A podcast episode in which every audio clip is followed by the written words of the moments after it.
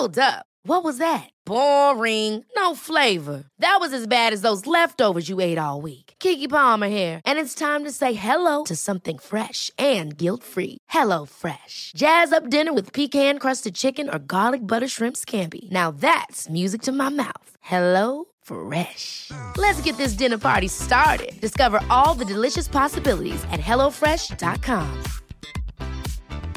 I'm Sandra, and I'm just the professional your small business was looking for. But you didn't hire me because you didn't use LinkedIn jobs. LinkedIn has professionals you can't find anywhere else, including those who aren't actively looking for a new job but might be open to the perfect role, like me. In a given month, over 70% of LinkedIn users don't visit other leading job sites. So if you're not looking on LinkedIn, you'll miss out on great candidates like Sandra. Start hiring professionals like a professional. Post your free job on linkedin.com/achieve slash achieve today. Hi, I'm Daniel, founder of Pretty Litter. Did you know cats tend to hide symptoms of sickness and pain? I learned this the hard way after losing my cat, Gingy. So I created Pretty Litter, a health monitoring litter that helps detect early signs of illness by changing colors, saving you money and potentially your cat's life. Pretty Litter is veterinarian developed, and it's the easiest way to keep tabs on your fur baby's health right at home. Go to prettylitter.com and use code ACAST for 20% off your first order and a free cat toy. Terms and conditions apply. See site for details.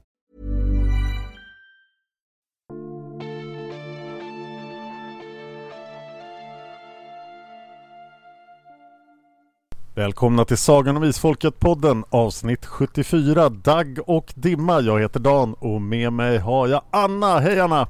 Hej Dan! Nu får du skärpa dig din attan nittan drittan. Va? Men jag är ju ute i mörkret med laserpistol och vill rädda världen. Eller vad fasen är det jag vill egentligen? Jag är en attan nittan drittan för att jag eh, lyckades ju förstöra hela vår första inspelning av det här avsnittet. Så det här blir andra gången vi spelar in samma avsnitt. Mm, jag försökte vara lite snäll där Dan, men ja, det gjorde du faktiskt. Vi får bara göra det bästa av situationen, sånt här händer. Jag förstörde också 16 andra avsnitt till andra poddar. Och det var bara Fan och History-avsnitten som vi kunde använda. Jag har suttit och spelat in alla avsnitt igen, men eh, det här är lite svårare att spela in igen för dels har vi glömt bort boken för nu var det ett tag sedan vi läste den Ja. och sen är det ganska svårt att dra samma skämt en gång till och få rätt reaktion. Precis, och framförallt eftersom du och jag läser ju böckerna så tätt in på avsnitten så våra reaktioner är ju väldigt genuina. Bara vad är det där som händer? Så vi får göra vårt bästa Dan. Jag har alltså 14 rader anteckningar från förra inspelningen så att det är manuset för ett avsnitt som säkert blir över en timme långt. Har du anteckningar? Eller jag menar, och ja, jag har också, jag har 15 rader anteckningar. Det finns dessutom en till sak som gör Dagg och Dimma till ett mardrömsavsnitt för oss. Det är att jag nyligen var på akuten med en okänd lungåkomma. Ja, det är jättedåligt. Jag var så orolig för dig. Och det här är första gången jag försöker podda efter akutbesök. Jag vet fortfarande inte vad det är för fel på mig. Jag är fortfarande orolig för dig. Jag också. Ja, Eh, Och det här innebär ju att du din stackare kommer att få läsa fler av eh, lyssnarnas åsikter. det är helt okej. Jag är superredo så länge vi ser att du håller dig frisk och kry Dan. Jag vill också be om ursäkt till lyssnarna för att jag kommer förmodligen att eh, låta lite konstig i bakgrunden. För jag mår inte helt bra. Men du är här och vi kämpar på och vi gör det här avsnittet och jag är fortfarande orolig för dig. Det ska nog gå bra. Får se om jag överlever Dagg och Dimma. Åh gud, nu, nu blir jag ännu mer orolig. Varför gör du så här mot mig? Tänk på mig! Hur länge sedan var det vi läste den här boken? Ja, det var väl en månad eller två. Nu måste vi ta reda på det. Oj, det är, det är två månader. Det var den 12 januari vi spelade in. Oj. Ja, så med det sagt, välkomna till podden. Nu kör vi. Vi är proffs här. Nu kör vi, vi kan det här. Vi har våra anteckningar, vi har vår bok, jag har boken i handen. Och vi dyker in i mörkret här och möter Gondagil och Haram som visar sig vara männen som Siska såg fotspår efter i bok 1, Viskningen. Och där får jag säga att snygg plantering, Margit. Jättesnygg plantering. Jag ska försöka vara positiv för jag minns att jag var väldigt negativ till den här boken faktiskt. Jag är negativ till namnet Haram. Det känns inte som ett bra namn. Varför då? Det är ju otillåtet för en muslim. Ja just det ja. Det är alltså ett uttryck i islamisk rättslära för saker som är otillåtna för muslimer. Och nu förstörde du hela boken igen. Jaha. Okej, ja det är inte det bra. Men vi, vi, vi introducerar till Gondagil och Haram som är vilda krigare av Timons folk som verkar vara någon form av vikingaättlingar. Högresa, blonda, ståtliga med vargvildhet i ögonen. Och vi möter ju de här när de står och tittar på att Siska flyr undan odjuren och lyckas komma in i ljusets rike. I mörkret? Ja, från mörkret. Ja, just det. Och det är ju väldigt spännande. Så det är en snygg liksom, både plantering från att det här var fotspåren Siska såg i bok 1 till att Margit knyter tillbaka till liksom vad som hände i bok 1. Och sen så dyker vi rakt in i något som du och jag har väntat på Dan, för vi har väntat på Miranda. Vi har suttit sedan vi har betat igenom bok 3 att varför är inte Miranda med? När kommer ni och ska rädda dagen? Och framförallt omvända ljusets rike, för ljusets rike är inte bra. Vi har tagit rätt hårt fakta på att ljusets rike inte är en utopi som Margit trodde sig kanske bygga. Nej, och det behövs ju en revolutionär för att stoppa den här hemska fascistiska staten som existerar i ljusets rike.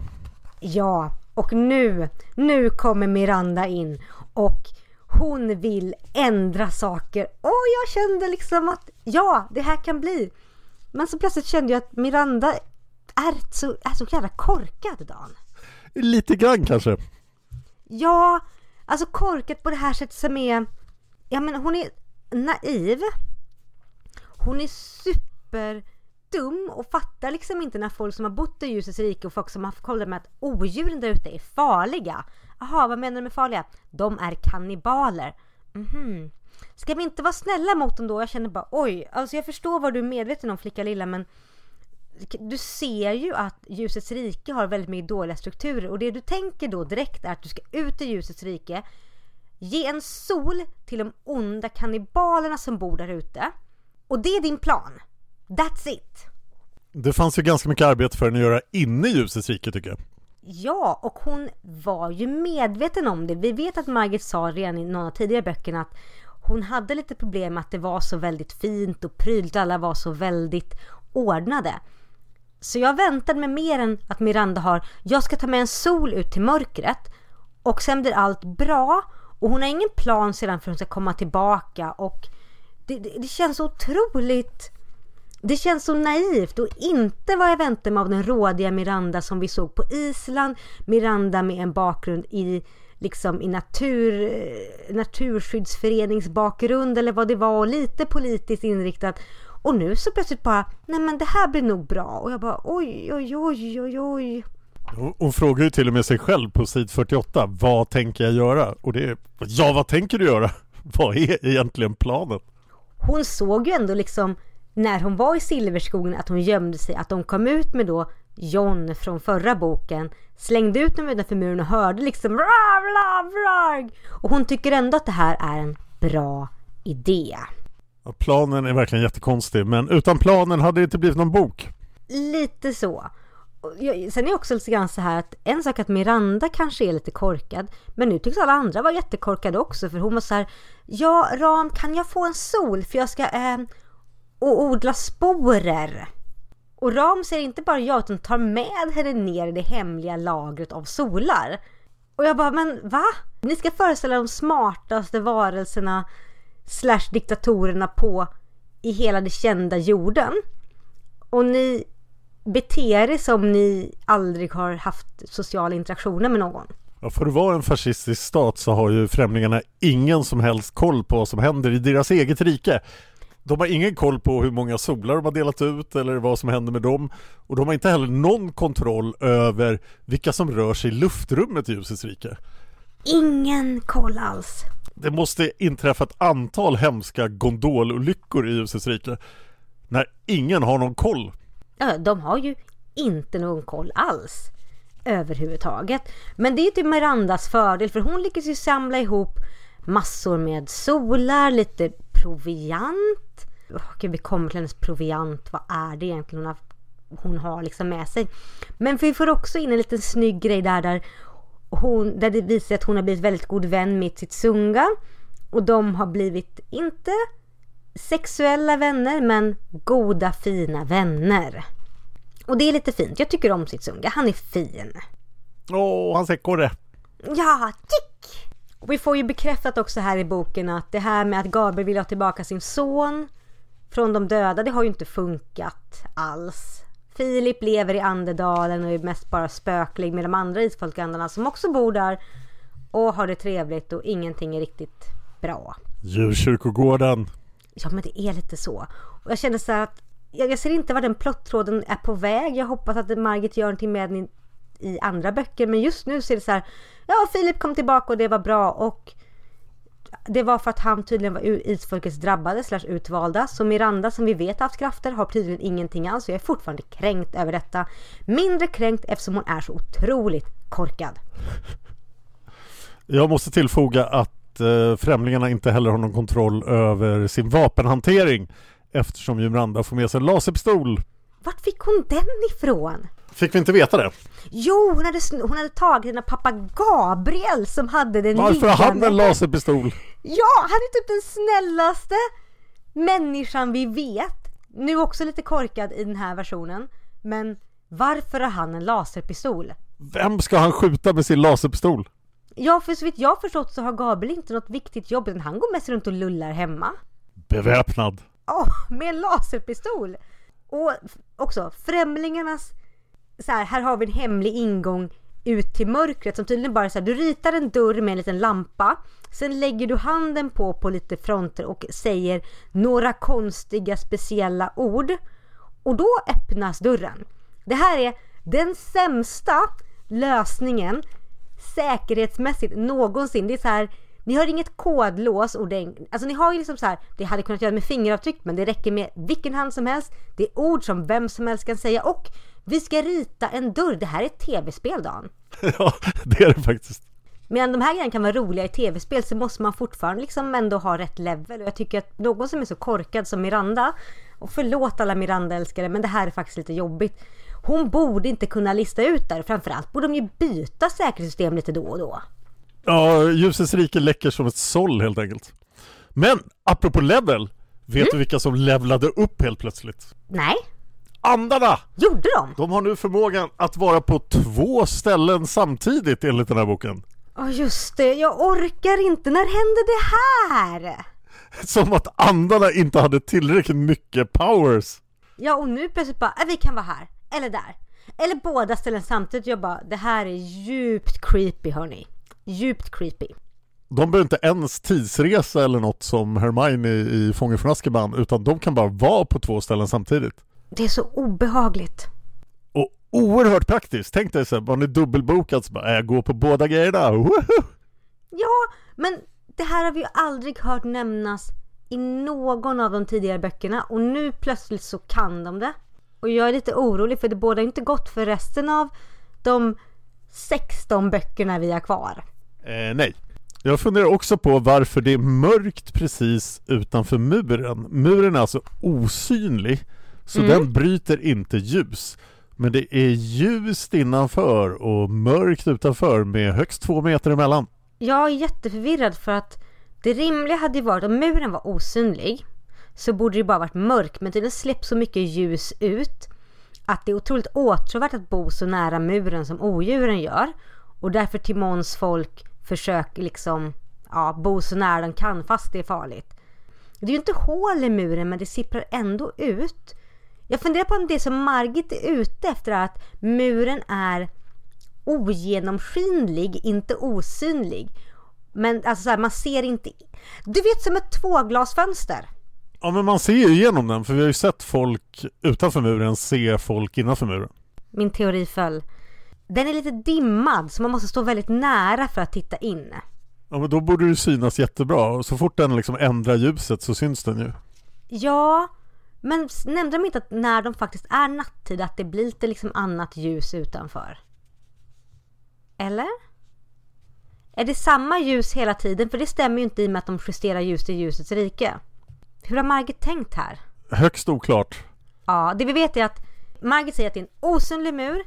Men vi kan se igenom muren från utsidan och från ljusets rike.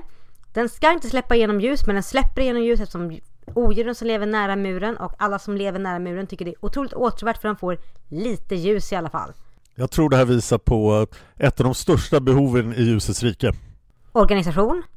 En korrekturläsare. Eh, ja, det, det hade behövts, ja. Och någon som petar ut de här sakerna och säger Men Margit, vi förstår hur du tänker, eller vi förstår inte hur du tänker här. Så kan du säga hur du tänkt och så formulerar vi om detta för det är väldigt oklart. Någonstans här då när Miranda gått igenom och det börjar hända saker och hon träffar Megacero sen så bryter hon fjärde väggen jättehårt genom att prata med berättarrösten. Jättemycket prat med berättarrösten. Jag är bara så här, vad händer? Får jag dra ett exempel? Mm. Så berättarrösten är igång då. Utdöd på jorden för tusentals år sedan, funnen som fossil i irländska torvmossar. Hornspännet Hornspännet står det faktiskt. Hornspannet skulle det vara, men det står spännet. Hornspannet skulle vara närmare tre meter. Och då svarar Miranda Minst! viskade Miranda högt. Åh! Så hon kanske har berättarrösten i huvudet hela tiden, det är därför hon klarar sig så bra.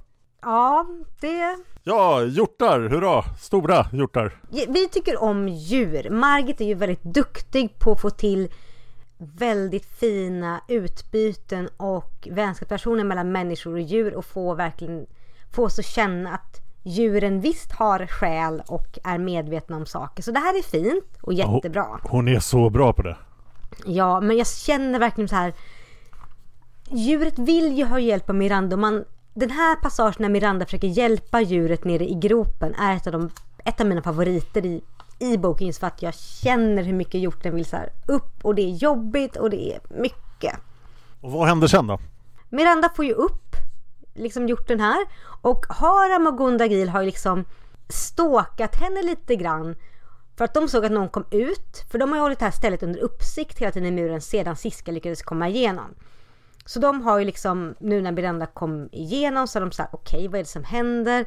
De säger att hon lyckades rädda en av de jättehjortarna som för dem är heliga. Miranda har ju inte märkt detta och sen så springer hon in i odjuren. Och det skulle kunna gå så att hon blev, faktiskt här blev shish kebab. Men då hjälper ju hjorten henne. Och det är ju superfint. Yes. Sedan så springer hon hit och dit och sen springer hon in till Gondagil och Haram och upptäcker att de är ju inte odjur utan rätt snygga, lite vildsinta men Miranda lyckas ge dem språkbrickor. Språkbrickor är någonting jag gillar i ljusets rikes teknologin faktiskt. Superbra grej. Jag önskar att vi hade i den verkliga världen också. Så länge de fungerar, för det slutar de göra senare i boken, men det återkommer vi till. Ja, gud ja. Och de tycker ju väldigt mycket om att hon har räddat jättehjortarna, så de är ju inte... De är lite hårda, men de tycker ändå om att hon har räddat hjorten. Och sen blir de överfallna av odjur! Och Dan, det här är ditt ögonblick, för vad gör Miranda? Pew, pew, pew! Pew, pew, pew! Och det här är också verkligen Miranda bara Åh nej, jag skjuter! jag har inte menat att döda någon. Och jag bara, men lilla vän, vad tror du att det händer om du har en laserpistol? Du att det här var en vattenpistol eller vad är det? Men det är laserpistol i action! Ja! Det är som Star Wars fast annorlunda. Och sen får vi en bit fantastisk visdom som skulle kunna komma från Sun Tzu men det kommer från Miranda.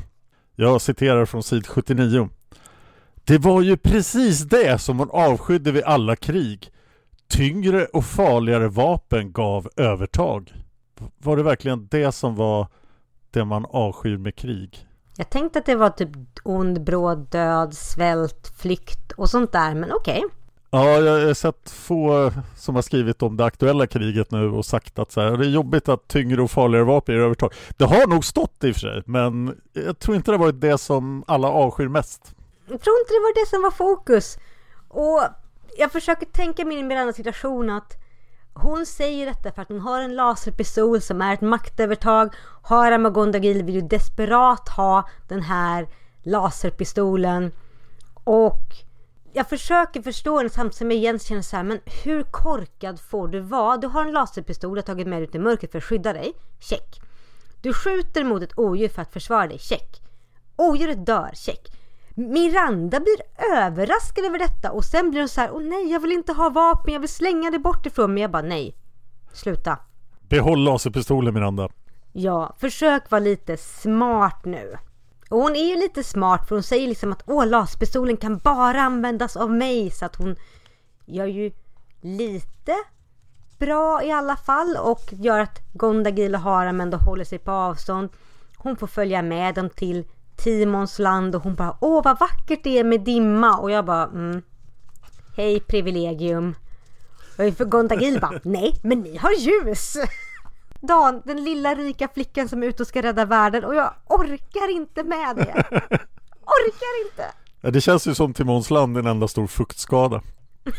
ja, det är så här, vad händer när du sover? Du får mögelskador och svamp. ja. Sedan så blir det ju mer jättehjortar här.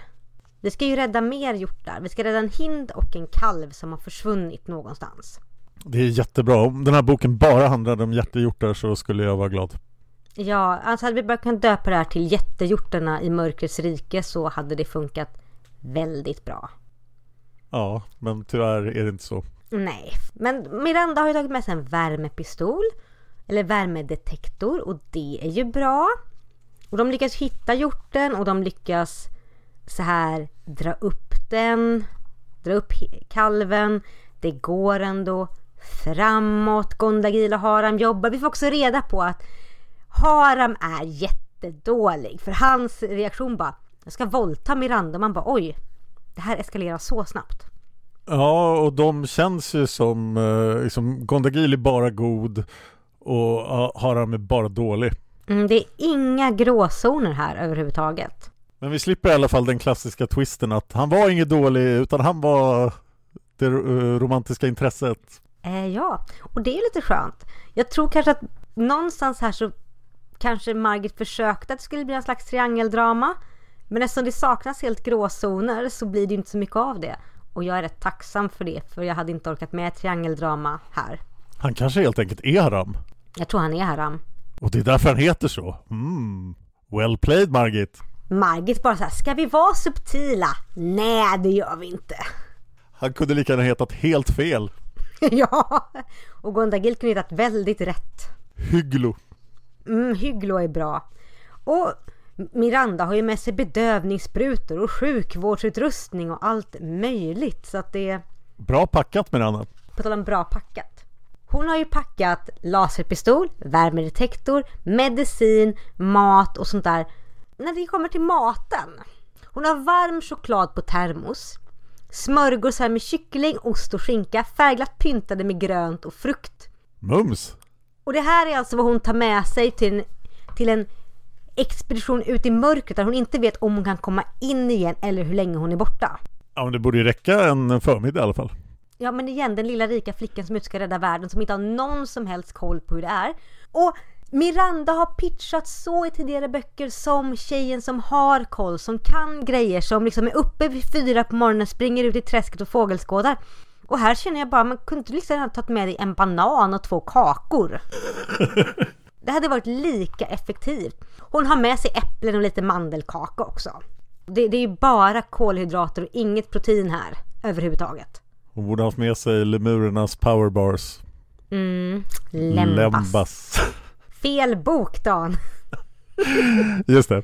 Och här kommer vi till någonting som är liksom lite spännande. För de sitter där och pratar om ljusets rike och sägnerna om det. Och Gondagil och Haran berättar om Timons rike. Och sen blir det en cliffhanger för de berättar om någonting väldigt spännande om de svarta bergen. Och vad är det Dan?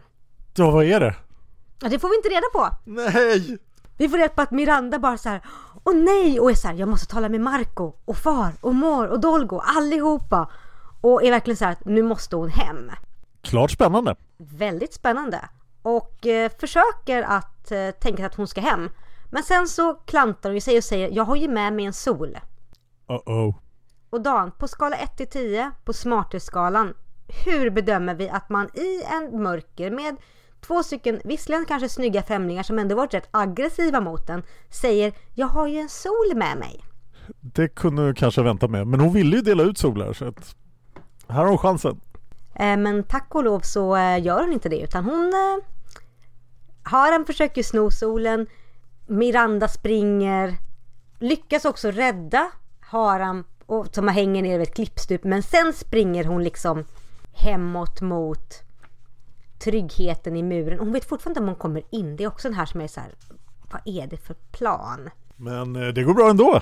Mm, ja, hon, hon blir lite biten i halsen av odjuren men blir räddad. Och sen lyckas hon faktiskt komma in i ljusets rike. Där, där hon tar sig till karantänen. Och de bara får så här, jag ramlade i skogen och de bara okej, okay, det är lugnt. Ja, de har ingen koll. Nej, de har ingen koll på någonting.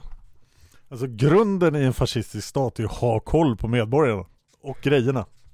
Ja, och också värt att nämna, när Miranda kommer in i ljusets rike så lyser hon som, en, som ett blåljus för att hon har hållit i en sol. När de frågar så här, åh vad, varför det? Hon bara, äh, svampar. Va?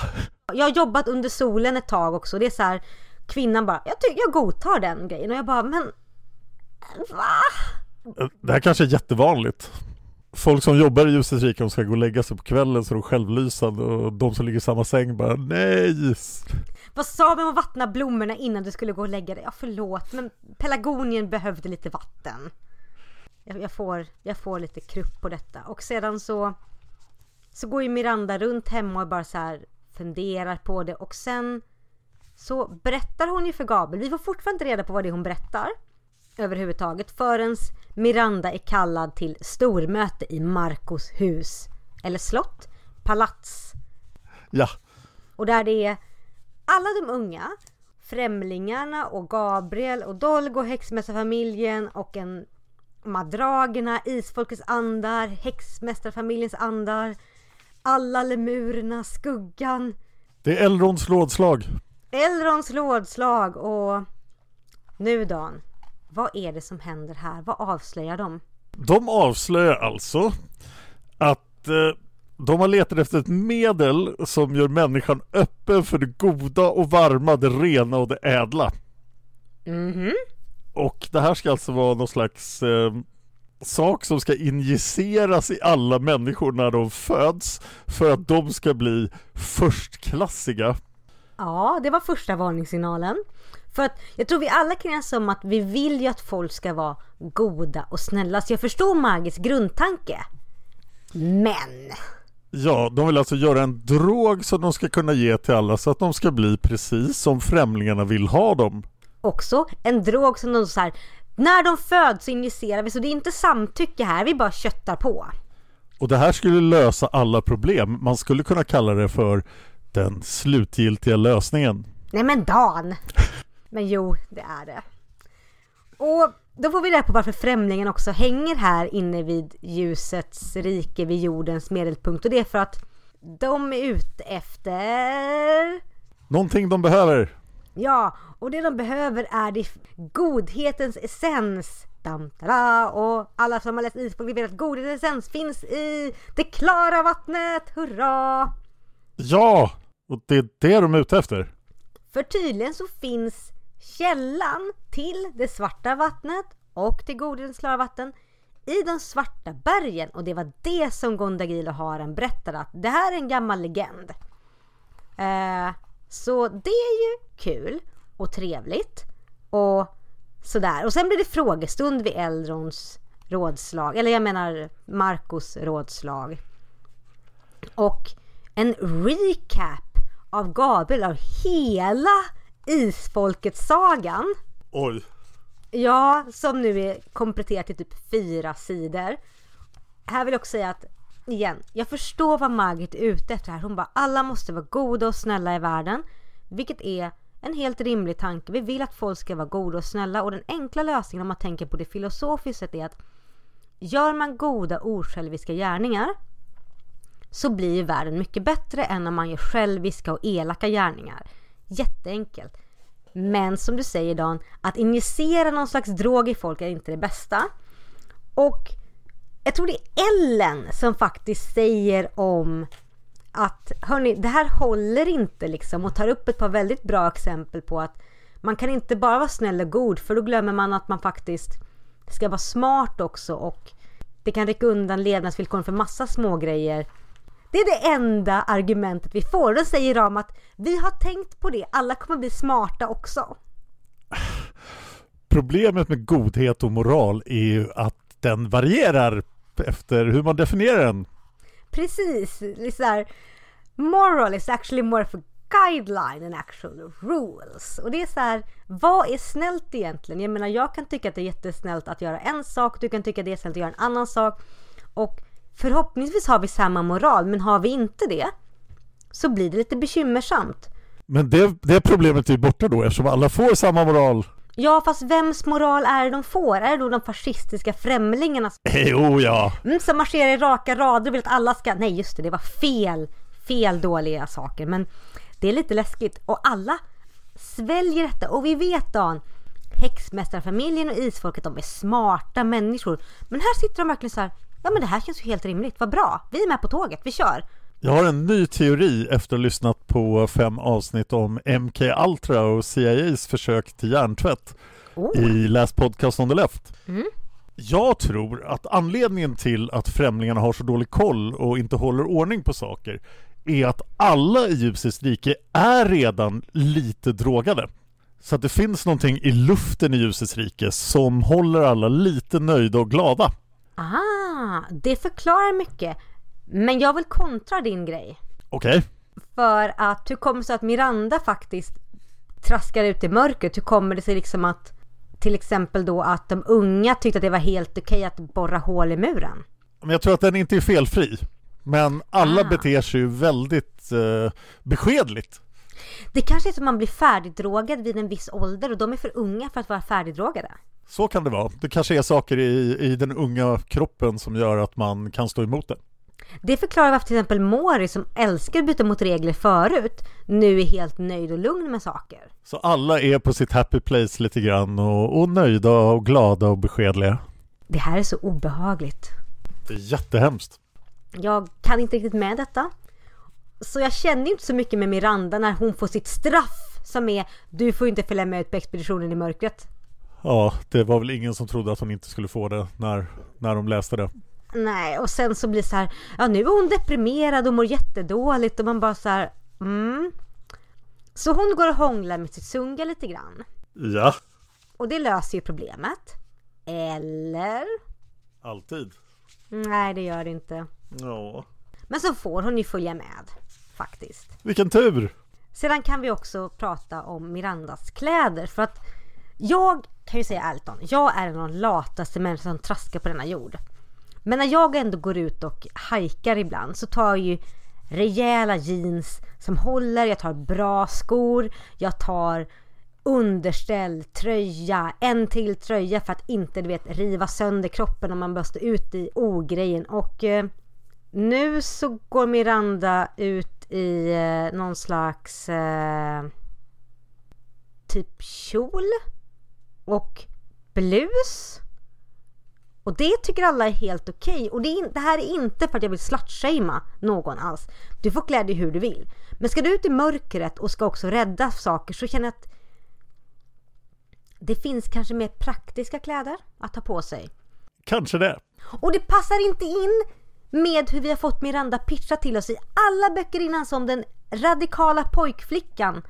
Det är så här, va? Vad händer? Jag känner som att Miranda blir ytterligare en sol som vi sörjer som var så bra och nu en helt annan person. Miranda har fortfarande chanser att komma tillbaka. Har hon det Dan? Ja, jag tror på Miranda. Okej, du är mer positiv än jag. Men här tycker jag boken dör lite grann då eftersom nu är vi tillbaka i eh, alldeles för mäktiga hjälpare-problemet. Ja, de har med sig jättemånga ut.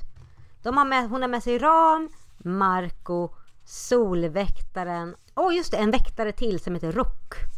Så de traskar ut och Miranda får börja lysa igen för att ta sig igenom odjurets område. Så det är väldigt mycket powerplay som är helt onödigt och de hittar Haram och Gondagil. Det känns så väldigt... Eh, vad ska man säga Dan?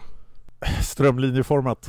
Ja, tack. Som ett litet rollspelsäventyr där alla så här, så går ni hit, så träffar ni NPCerna som säger ja, ni får följa med oss till Varjagernas by som är här och den är fin och här borta bor det lite tyska människor som också har kommit hit men de lever på ett annat sätt och ja, såklart att Gondagil inte är här men vi skickar upp en raket så han kommer hit och åh nej, nu kom det fiender. Ja, ny fiende! Expansionspaketet Råttfolket! Ja, vad är detta? Det är så rollspelsäventyr här Dan. Så mycket rollspelsäventyr!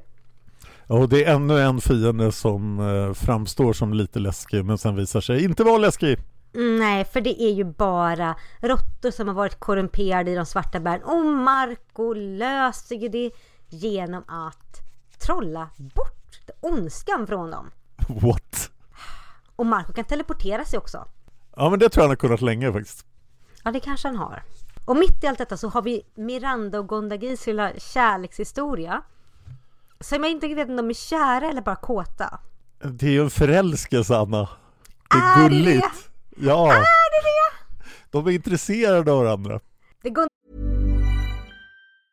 Many of us have those stubborn pounds that seem impossible to lose, no matter how good we eat or how hard we work out. My solution is PlushCare. PlushCare is a leading telehealth provider with doctors who are there for you day and night to partner with you in your weight loss journey. They can prescribe FDA-approved weight loss medications like Wagovi and Zepbound for those who qualify. Plus, they accept most insurance plans. To get started, visit plushcare.com slash weight loss. That's plushcare.com slash weight loss. Hold up. What was that? Boring. No flavor. That was as bad as those leftovers you ate all week. Kiki Palmer here, and it's time to say hello to something fresh and guilt-free. Hello Fresh. Jazz up dinner with pecan-crusted chicken or garlic butter shrimp scampi. Now that's music to my mouth. Hello Fresh. Let's get this dinner party started. Discover all the delicious possibilities at hellofresh.com. I'm Sandra, and I'm just the professional your small business was looking for. But you didn't hire me because you didn't use LinkedIn jobs. LinkedIn has professionals you can't find anywhere else, including those who aren't actively looking for a new job but might be open to the perfect role, like me. In a given month, over 70% of LinkedIn users don't visit other leading job sites. So if you're not looking on LinkedIn, you'll miss out on great candidates like Sandra. Start hiring professionals like a professional. Post your free job on linkedin.com/achieve slash achieve today. Gondagil säger ungefär jag vill ligga med dig Miranda. Han kanske inte har gått någon charmkurs. Är det en förälskelse? Det här är som Stockholmssyndrom dam, så det skriker om det. Åt vilket håll? Bådas håll, allas håll. Dubbel Stockholmssyndrom. Ja, Gondagil bara Miranda det är mitt ljus och hon bara du är den starka riddaren i mörkret. Jag bara jämför du med Haram, om du får välja mellan Haram och Gondagil så är det ungefär som att välja mellan pest eller kolera. Nej, det är snarare att välja mellan eh, en lätt förkylning och kolera. Ja det är sant. Men det är så här, ah, vad är det som händer? Eh, det, det som måste hända för plotten. Miranda blir indragen i triangeldrama för Haram vill ju också ligga med Miranda. Jag kan ingen bara döda honom. Mm, jo det gör ju Gondagil men, Ja, skönt. Men Haram råkar typ hugga Miranda i magen eller om Gondagil råkar hugga Miranda. Miranda blir skadad. Och det hade ju varit läskigt om inte superhelaren Marco hade varit i närheten. Mm. Och Marco lyckas ju hela hennes sår men han måste ju få mer blodöverföringar. Och då gör de ju det här beslutet att okej vi tar hem Miranda, vi lämnar Gondagila, vi kommer tillbaka om ett år men det är ungefär 60-70 år för dig. Så har du kött och det här är bäst för Miranda också. Så allting är bra, ha det gött. Ja, han vet ju inte om det och det är väl 12 år. Ja det är det. Men de, skulle kom, de visste inte hur länge det skulle ta innan de kom ut igen. Nej, och det är ju väldigt tragiskt. Det förstärker ju den romantiska kärlekshistorien med den här tragiken. Att åh nej, det kommer gå jättelång tid. Ja, jag, jag köper inte deras romans riktigt. Men jag tycker väldigt synd om Miranda i de sista sidorna på boken när hon ligger där och hör allting. Och inte kan röra sig och är medveten om att hon nu förs bort. De förseglar muren för alltid. Och hon inte ens kan säga hej då till Gondagil. Och hon vet att de kommer vara skilda åt förmodligen för alltid. Vi förseglar vår chokladfabrik för alltid. Dum, dum, dum. Och ingen får komma in om du inte har en gyllene biljett in till ljuset. Jag noterade att den här de frågade ju om det skulle gå att ta med en luftgondol Men Mm. det gick inte för den gick inte in genom dörren Det är väl bara att lasra ett nytt hål. Men det måste innebära att det inte finns jättemånga portar Man kan ju tycka att de borde ha byggt någon stor port också Man tycker att de kan ha gjort det. Jag måste ju notera då att eh, språkbrickorna slutar fungera också på sid 221 Gör de det? Ja, För Miranda mumlar på engelska Saved by the bell. Ja, just det. Och Och Gondagil förstår inte eftersom det är engelska. Men språkbrickan borde ju fungera. jag tror att det här är också tillfälle då Margit hade haft nytta av en korrektur. Jag kunde säga, men Margit, de här språkbrickorna kan ju engelska. Har ganska ruttna språkbrickor om de inte klarar av engelska. Jag får säga så här att jag, jag såg fram emot Mirandas bok. Jag är inte jätteimponerad av det här, men det är en väldigt spännande cliffhanger. För att, okej, jag tror inte på Gondagil, men jag lider ju med henne som blir skild från sin älskade för alltid. Förmodligen. Kanske inte. Vi vet inte. Jag tycker att det är tragiskt och romantiskt. Du är som romantiker, Dan. Ja. Men jag är väldigt pepp på nästa bok nu. Jag vill veta vad det är som händer. Ja, det det är ju alltid bra eftersom det är 16 böcker kvar. Eh, ja, och nu vet vi ju plotten. Inte är jättebra.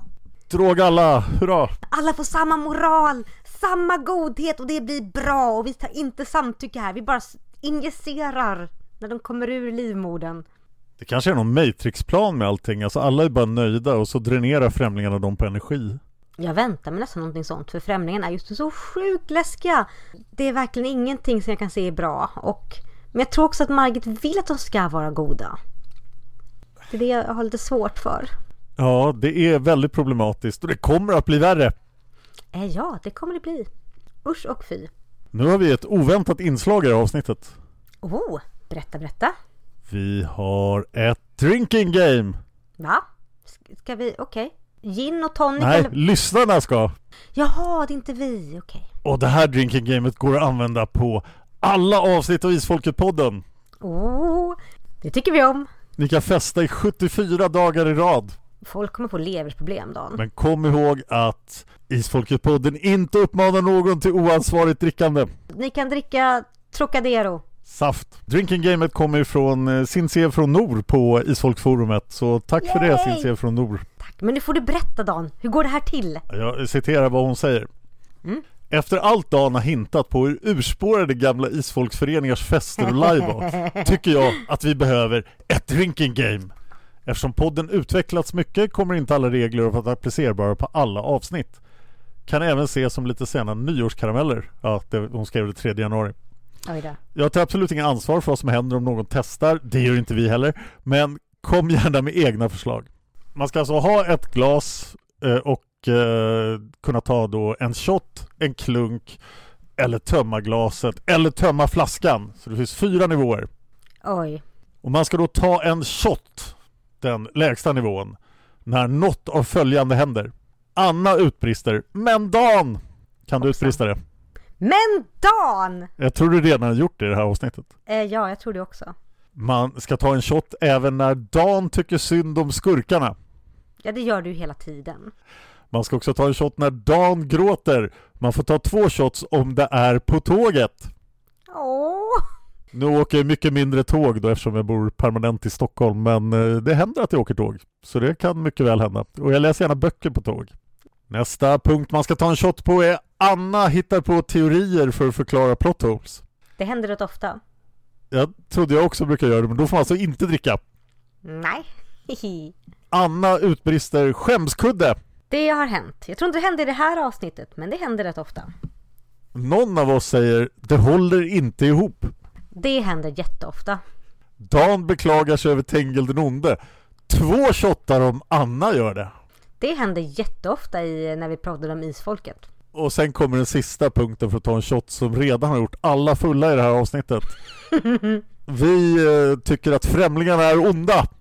Ja, drick upp allihopa. Och igen, vi uppmuntrar inte till drickande. Ni är vuxna människor och kan hantera det här själva. De får inte dricka upp, det är tredje nivån. De fick ta en shot. Ja, men de får ju dricka upp shotten. Ja, det får de göra. Nu kommer nästa nivå, ta en klunk. Och en klunk är alltså större än en shot. Mm. Viktigt att veta. Oj, det här har också hänt i det här avsnittet. Anna eller Dan gnäller över andarna.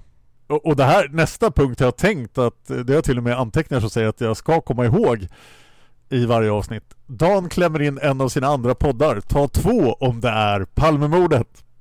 Det har hänt i det här avsnittet, ja. Anna utbrister åh eller ja. Eh, ja. Utbrister. Åh! Ja! Ja. Där är trigger, drick. Åh nej, förlåt allihopa. Man får ta en klunk om Anna och Dan är oense. Det är vi rätt ofta. Man får också ta en om Anna och Dan beklagar sig över pajasol. Det har vi också gjort i det här avsnittet. Ja, det har vi faktiskt! Ah. Men den här väckte en del frågor hos mig. Det är inte någonting jag kommer ihåg, men det känner du dig säkert skyldig till. Anna remixar ordspråk. Alltså det gör jag ju rätt ofta, till exempel du är inte den skarpaste kniven i lådan eller har inte alla hästar hemma i spiklådan. Eh, jag har en tendens att blanda ordspråk. Rätt ofta. Sen får man ta en klunk vid ordet misär. Det tror jag har hänt i, den här, i det här avsnittet faktiskt. Det tror jag också, men vi är helt oskyldiga i det här avsnittet nästa punkt, för det är Anna och Dan dissar Villemo. Fy, säger Sinsev. Det är inte vårt fel att Villemo är sämst. Förlåt! Eh, drick Och där fick allihopa! dricka. Om Anna eller Dan hoppas att några av de goda dör får man ta en klunk. Har vi önskat? Ja, vi har inte önskat att Miranda ska dö faktiskt. Nej, det har vi inte gjort, men Nej. eh, det har nog hänt i tidigare avsnitt. Eh, ja. Vi är nu på nivå 3. Töm glaset. Det är bara två saker på den nivån. Det första är att någon utropar Vad händer? Det har hänt i det här avsnittet tror jag. Oj, det här avsnittet är ett riktigt fyllavsnitt. Och sen kommer en typisk Margit-skurk. Ja, det, det var inte det här avsnittet. Men det har ju hänt i alla avsnitt. Och sen tycker jag nästan det bästa med hela drinking gamet är töm flaskan nivån. För det är vid repliken Är det rymdhundarna? Rymdhundarna Dan! Det är säkert de som vi ska injicera allihopa. Jag vill nog gärna lägga till ett förslag här på åtminstone första nivån och det är pew pew pew! Pew pew pew! Drick när Dan säger pew pew pew! Bonus! Om du själv har lämnat kommentarer, klunka så länge som kommentaren blir uppläst. Då får jag säga så här. Vi uppmuntrar folk att lämna långa kommentarer. Det vill vi inte ska sluta. Fortsätt lämna länge kom- långa kommentarer så får ni dricka mycket. Mm-mm. Dricka mycket. Ni kan dricka alkoholfritt också. Ska vi se vad lyssnarna tyckte om eh, den här trevliga boken? Ja, långa kommentarer har vi fått en hel del av och det tackar vi för. Och första kommentaren kom från fröken Karin som säger Usch, frustrationen är stor. Jag vill inte att Miranda går ut. Mest för att det är så fruktansvärt naivt och korkat men framförallt livsfarligt. Jag bläddrar framåt i boken. Hur länge är hon ensam där ute? Ah, där nämns Ram och Solväktaren. Bra, då kan jag fortsätta. Upplever ni också ibland att ni utifrån namnen kan avgöra vem huvudpersonen ska få ihop det med? Att Margit liksom har mer snälla, slash tuffa, slash starka namn på kärleksintresset? I alla fall, jättehjorträddningen är fin. Inte heller jag hade en tanke på brickorna. Tur förresten att Miranda inte hade det heller. Ingenting blir en utmaning längre om allt och alla förstår dig. Det hade ju varit grymt tråkigt om inte Miranda fått följa med ut andra gången. Att bara hon hittar den enda, quote, säkra vägen känns lite simpelt. Jag väntar med spänning på ett rejält straff från väktare, främlingar och ljusets rike i stort. Än så länge är bara serievåldtäktsmördare lämnat sitt öde så de har inte riktigt blod på sina händer. Eh, jo, kanske lite fröken Karin. I alla fall. Favoritögonblick, säger fröken Karin, är när Miranda och Gondagil är lite ensamma mot slutet. Det känns inte som en stressad kärlekshistoria utan något som faktiskt rimligen kan växa fram. Och favoritkaraktär? Det är Miranda och jättehjorten och Ram. Jag gillar Ram mer och mer. Och nästa svar kom från Vanja Lind som säger Jag gillade boken. Älskar att vi får veta mer om mörkret och folken som bor där och att det blir lite mer nyanserade. Miranda är trevlig att följa och lätt att förstå hennes iver att vilja hjälpa andra. Men det är så himla intressant att inte ens Miranda kan se hur sjukt folket i det missanpassade stad blir behandlade och att hon inte reagerar på att det förekommit en stor utrensning där. Särskilt som hon med egna ögon har sett vad en utrensning kan innebära, lika med kastas ut till kannibalerna. Och det här visar tydligt hur hjärntvättade allihopa ljusets rike är. Mirandas och Gondagils kärlekshistoria är fin och de är sympatiska karaktärer bägge två. Att tiden skulle gå extremt mycket snabbare ute i mörkret jämfört med innanför kupolen köper jag inte överhuvudtaget. Men ja, ja, det ger deras romans lite extra dramatik i alla fall. Favoritögonblick då, Vanja Lind? Vanja Lind säger scenen med jättehjortarna. fint att Miranda, Gondagil och Haran hjälps åt att rädda djuren och boundra kring det. Och favoritkaraktär då? Valjanin svarar Gondagil, han är en typisk råbarkad Sandemoman och jag brukar alltid gilla dem, så även denna gång. Skönt med någon som är en kontrast till den supervackra och extremt speciella slash magiska slash odödliga män i ljusets rike. Nästa svar kom från Magnus Wangraren som säger Jag tycker att det är en bra bok. Det är spännande när Miranda rymmer genom muren in i ljusets rike. Favoritperson är Gondagil. Jag stör mig även här på att tiden går olika fort i ljusets rike och mörkrets rike. Och nästa svar kom från Cinzia från Nor. Får smygskriva medan jag lyssnar om jag ska hinna. Sista minuten läsning är visst stressigt. Passa på att göra reklam för inlägget där vi letar övergivna plottrådar i ljusets rike. Och Cinzia från Nor säger Jag är kluven om boken. När Miranda ska ut så skriker jag dels Nej din idiot! Men samtidigt är det riktigt spännande. Jag stöttar allt spionerande på creepy-främlingarna och deras underhuggare så heja heja. Är de dock inte lite väl godtrogna som ger henne all info? Särskilt Ram borde ha koll på hennes karaktär i någon skum dossier eller mapp eller bara visa lite sunt förnuft. Håller helt med föregående tal om att Miranda borde reagera på hur främlingarna använder andra för att göra sitt smutsiga arbete till exempel utföra dödsstraff. Och att det förtjänas som en ny chans är så obehagligt. Väl ute i mörkret har hon inga andar, inga stenar eller annat elände att rädda henne. Hon blir istället räddad av frukten av sin egen godhet och egna val. Och att Gundagil och Haram skjuter odjuret och att hjorten hjälper henne med mera.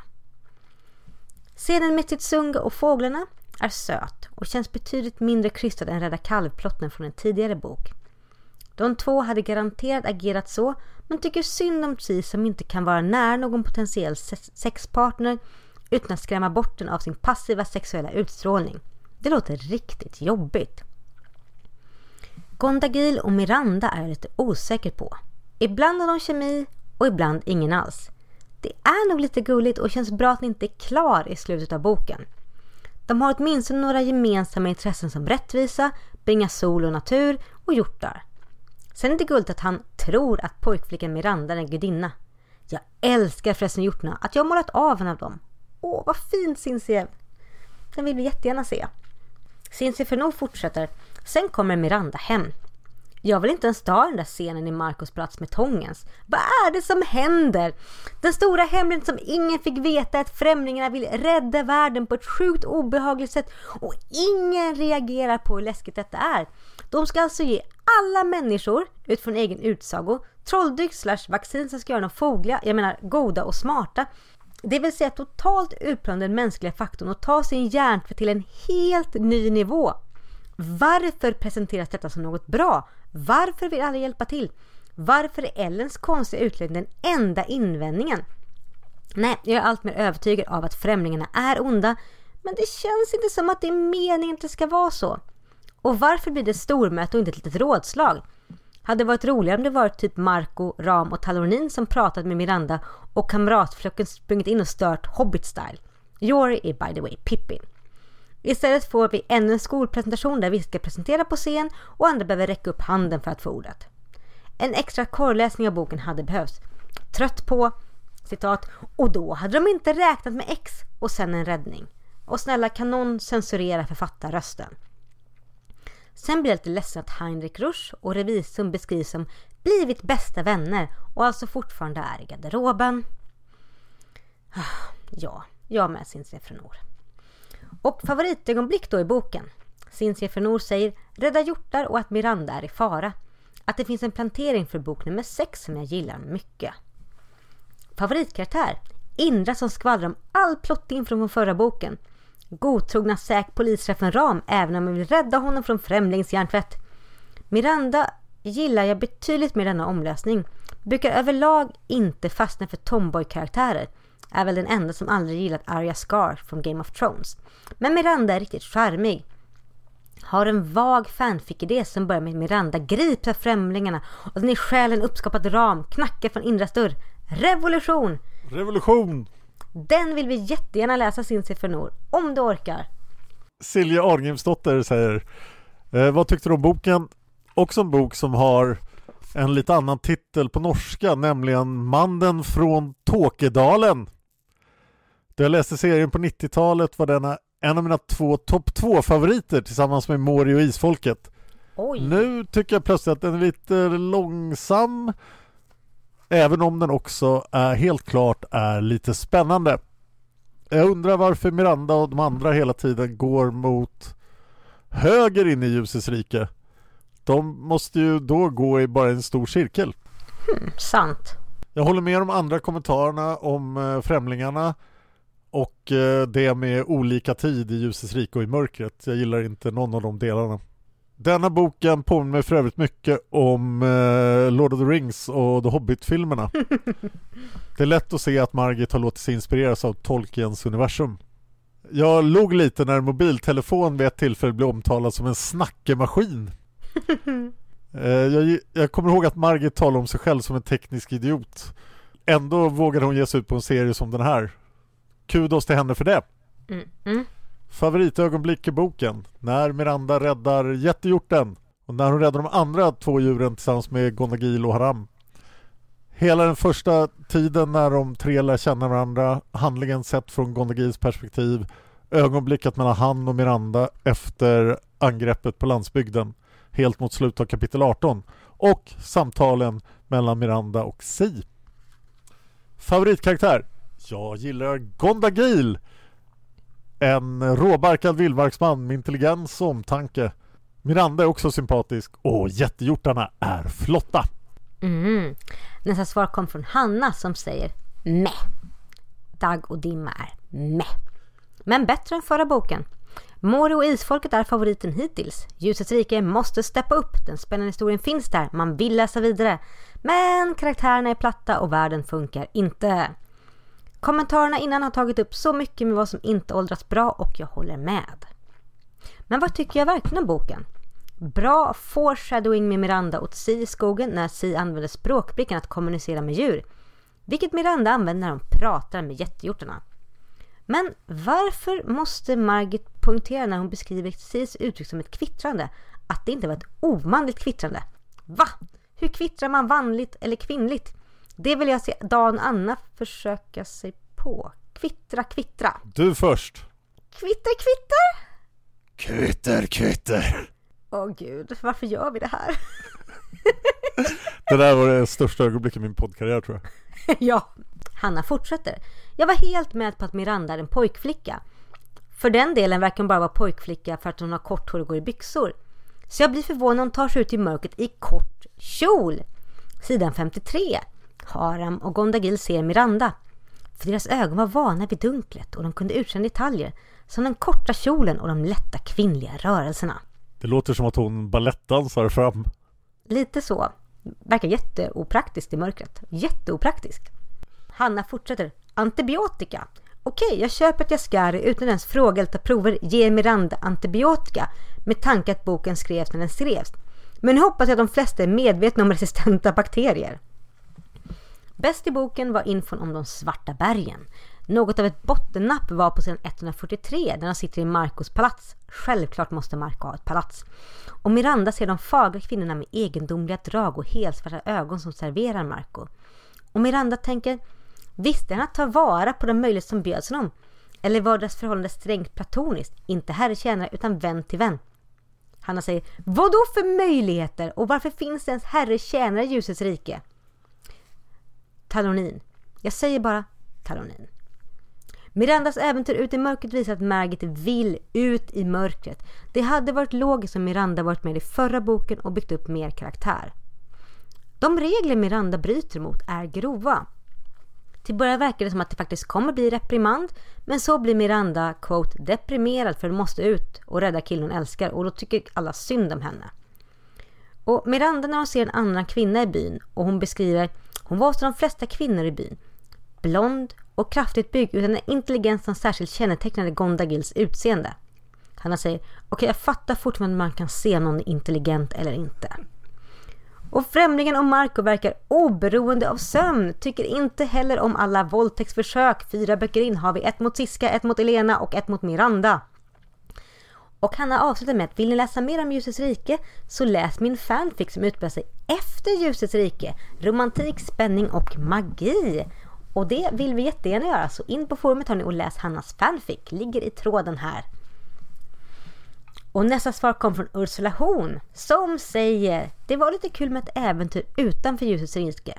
Och där Miranda i alla fall för ett tag är tvungen att klara sig utan hären av andar, främlingar, häxmästare och Marco. Och det var riktigt spännande med vad som faktiskt fanns i de svarta bergen. Jag gillar att det tog ett tag innan vi fick reda på det. Och när vi väl fick reda på det var det ett spännande svar som kan bli ett ännu mer spännande äventyr. Jag gillade Miranda mer i tidigare böcker, när hon var den som vågade ifrågasätta främlingarna.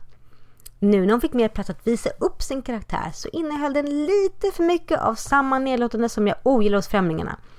Det känns liksom som att den stora skillnaden mellan dem är inte hur de ser på folken utanför ljusets rike. Alla verkar se ner på dem rätt ordentligt. Den skillnaden är bara att Miranda vill ta hand om dem. Medan ljusets rike bara vill bli av med dem. Eh, ja, och kanske kemiskt hjärntvätta dem också, säger Ursula Horn. Och vi fort, Ursula Horn fortsätter med att Mirandas utlämning till Gondagil om Jo, jag är nog en människa som vill slåss för rättvisa och ta hand om de svaga. Är liksom både självförhärligande och nedlåtande mot folk som antagligen inte ser sig själva som svaga. Andra märkliga ögonblick. När de har rådslag och unga eller murkvinnor kommer in med mat åt dem. Jag citerar. Miranda såg på dessa fagra kvinnor och hennes blick gled till Marco. Visste han att ta vara på de möjligheter som bjöds? Eller var deras förhållande strängt platoniskt? Inte herre-tjänare utan vän till vän. Slutcitat.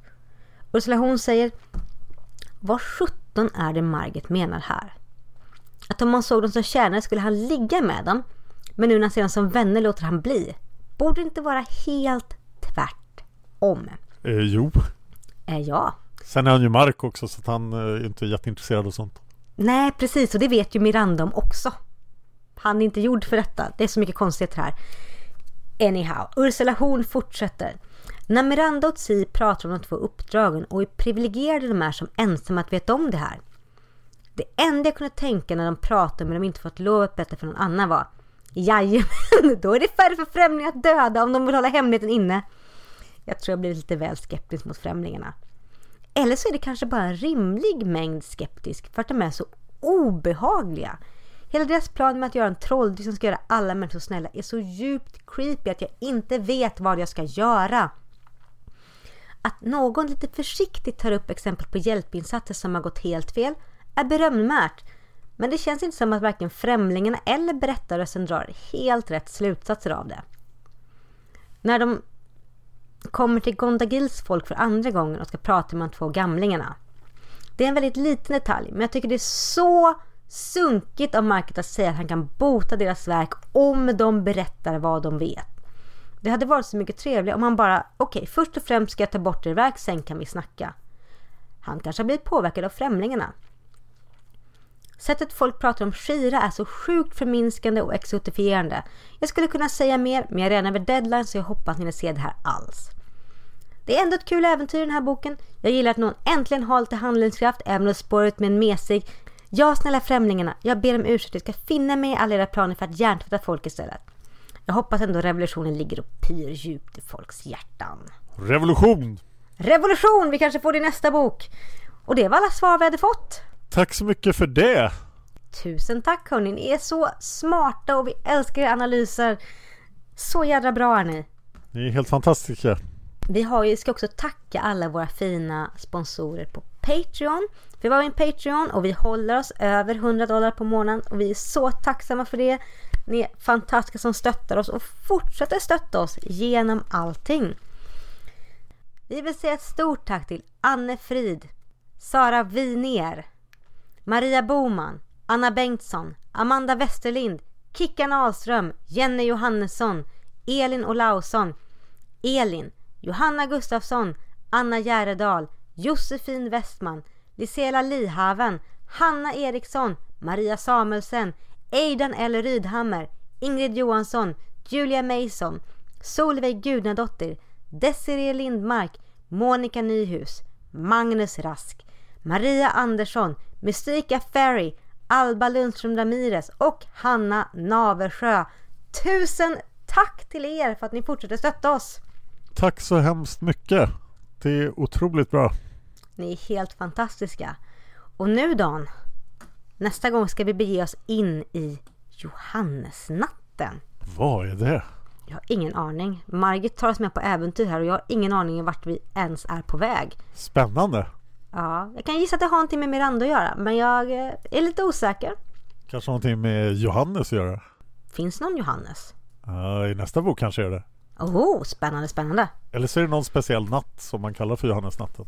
Jag känner mig så dålig. Det finns säkert någon jättekänd högtid som är Johannesnatten, men det har jag banne mig ingen koll på. Men till nästa gång då, vad kan man hitta mer av dig? Man kan hitta mig på Instagram på, och på Twitter. Och heter Dan Hörning så är lätt att hitta. Var kan lyssnarna hitta mer av dig Anna? Man kan hitta mig på Instagram som Setsunaseras och på Twitter som Anna Seras. Jag är jätteaktiv just nu så in och följ mig så blir jag hemskt glad. Wow, då gjorde vi det igen! Vi gjorde det igen! Tack så mycket för att vi har haft tålamod med oss och nu kör vi in i Johannesnatten. Heja heja! Rakt in hela vägen till Johannesmorgonen. Oh, det blir spännande. Det blir långt. Det här kommer bli långt Dan. Och jättegärna in och lämna fler svar till oss. Vi har uppdaterat våra frågetrådar. Heja allihopa som ger svar. Och vi kör på nu. Rakt in i, året. Yes! Mm.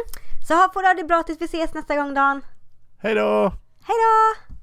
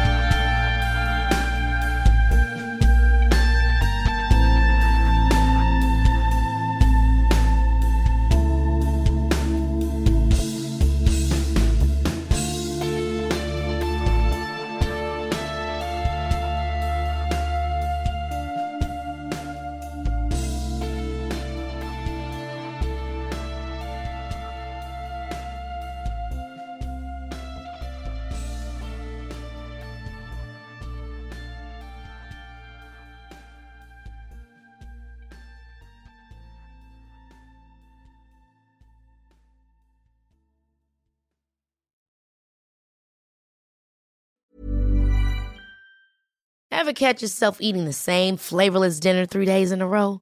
Dreaming of something better? Well, HelloFresh is your guilt-free dream come true, baby. It's me, Kiki Palmer. Let's wake up those taste buds with hot, juicy pecan-crusted chicken or garlic butter shrimp scampi. Mm. Hello Fresh. Stop dreaming of all the delicious possibilities and dig in at HelloFresh.com. Let's get this dinner party started. Hi, I'm Daniel, founder of Pretty Litter. Cats and cat owners deserve better than any old fashioned litter. That's why I teamed up with scientists and veterinarians to create Pretty Litter. Its innovative crystal formula has superior odor control and weighs up to 80% less than clay litter. Pretty Litter even monitors health by changing colors to help detect early signs of potential illness. It's the world's smartest kitty litter. Go to prettylitter.com and use code ACAST for 20% off your first order and a free cat toy. Terms and conditions apply. See site for details. Even when we're on a budget, we still deserve nice things. Quince is a place to scoop up stunning high end goods for 50 to 80% less than similar brands. They have buttery soft cashmere sweaters starting at $50, luxurious Italian leather bags, and so much more. Plus, Quince only works with factories that use safe, ethical, and responsible manufacturing. Get the high-end goods you'll love without the high price tag with Quince. Go to quince.com/style for free shipping and 365-day returns.